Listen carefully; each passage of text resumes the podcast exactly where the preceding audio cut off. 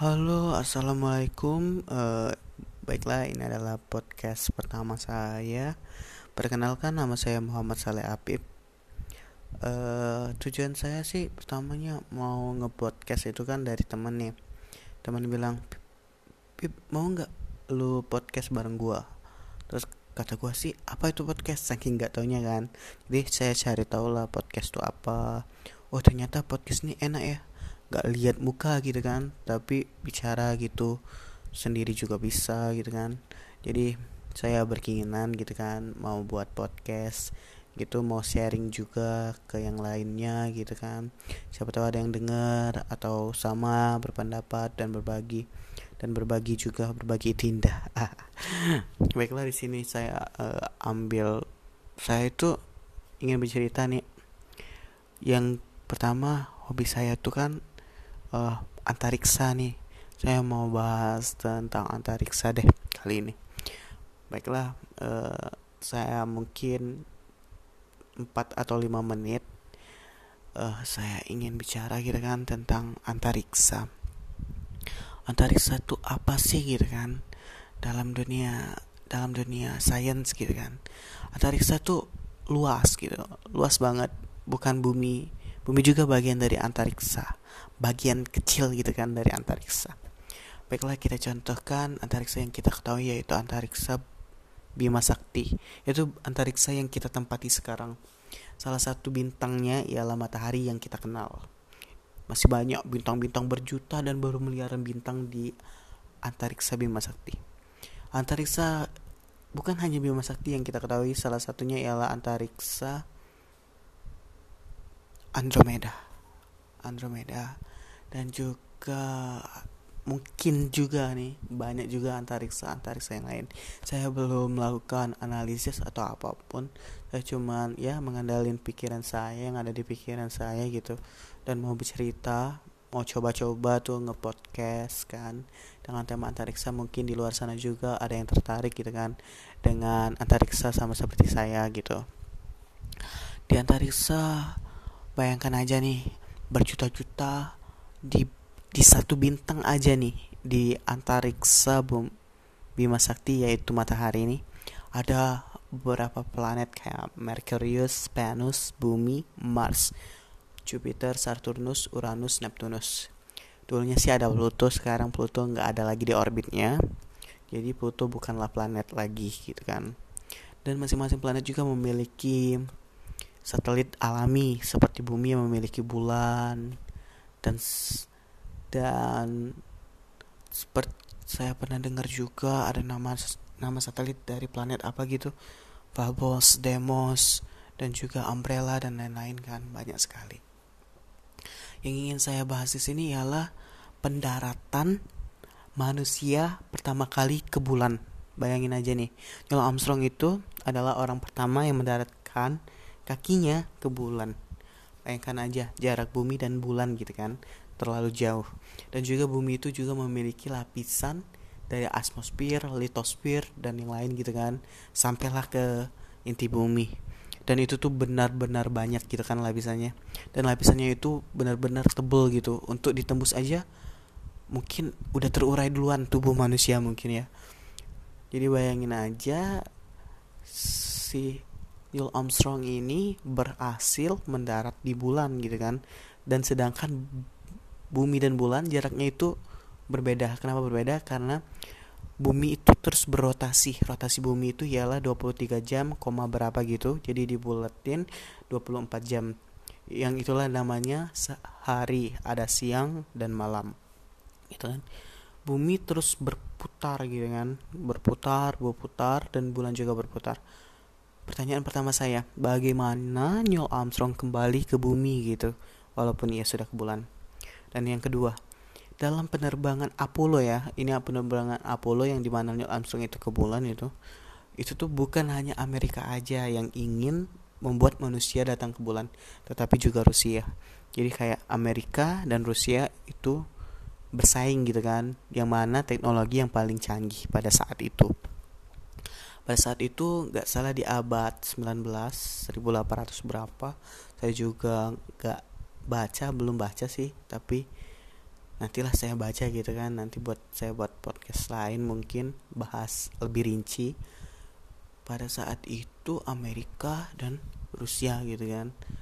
Dan Amerika tuh kayak berhasil karena manusia yang pertama menginjak ke bulan itu menginjak ke bulan itu yang Neil Armstrong tadi kan itulah yang membuat Rusia kayak mungkin sontak atau shock ya. Ini mungkin ini pikiran saya.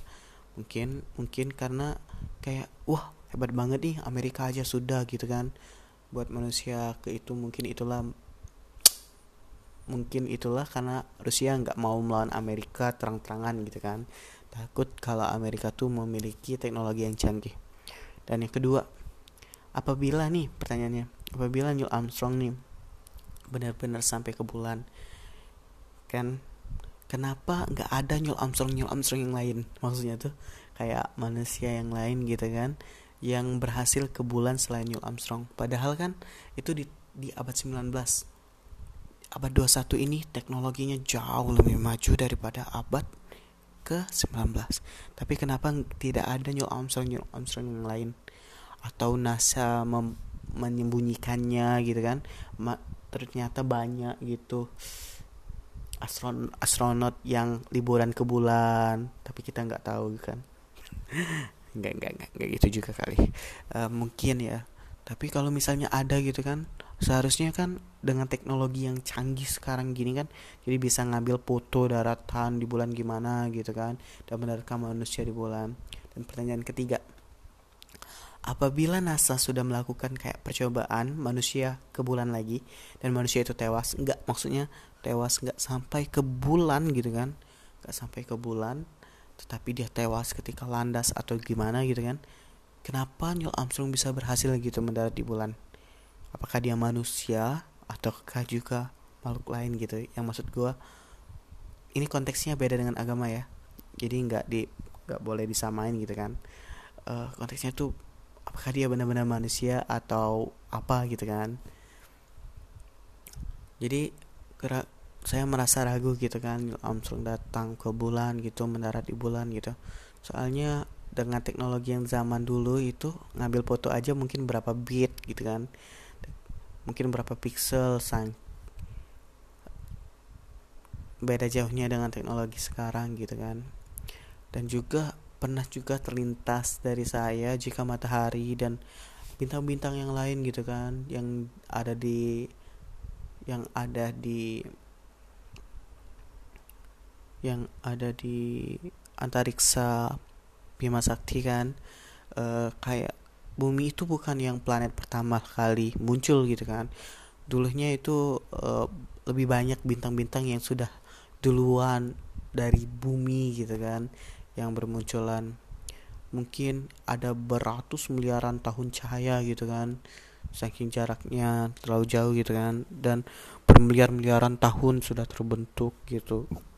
Planet dan matahari planet dan bintangnya kan. Jika matahari memiliki beberapa bintang dan planet juga planet lain juga mungkin juga memiliki beberapa dan mungkin eh salah deh. Kayaknya ini dan bintang-bintang juga memiliki beberapa planet yang lain di luar sana kita nggak tahu kan. Sangat luas benar gitu. Mungkin NASA mengetahui hal tersebut karena tiap hari kan kerjaannya mengamati bintang-bintang mengamati ya tapi nggak mungkin nggak di share atau kenapa gitu kan. Kita juga nggak tahu. Ingin sih ingin kayak melihat dan mencari tahu gitu walau kalau di dalam agama tuh udah pasti gitu kan kehidupan hanya ada di bumi. Nah, tetapi yang anehnya nih NASA itu ketika dia meluncurkan roket keluar bumi gitu kan di bagian planet Saturnus dia bilang ketika pendaratan roketnya kembali di bumi itu tapi roket aja kan nggak ada manusia uh, roketnya itu pendaratan di bumi itu di bagian roketnya itu ada kayak bakteri-bakteri yang ada di planet lain gitu kan. Sedangkan kalau planet bakteri-bakteri itu kalau ia bisa ada bakteri berarti kayak bisa gitu ditinggali makhluk hidup. Maksudnya tuh e, bakteri itu mungkin ya ini bagian juga dari makhluk hidup gitu kan. Ini aja bakteri kan. Dan juga bahas apa lagi nih uh, bulan matahari planet gitu kan. Dan juga mungkin juga itu dibuat dan dibentuk untuk mengagungkan keesaan Tuhan mungkin aja kan. Ya siapa tahu gitu kan. Otak kita yang sebatas ini gitu kan yang hanya memanfaatkan berapa persen dari sel otak kita yang hidup yang lainnya tertidur gitu kan. Untuk membangkitkannya saja nggak tahu gimana gitu kan harus banyak dilatih. Tapi ya gitu deh.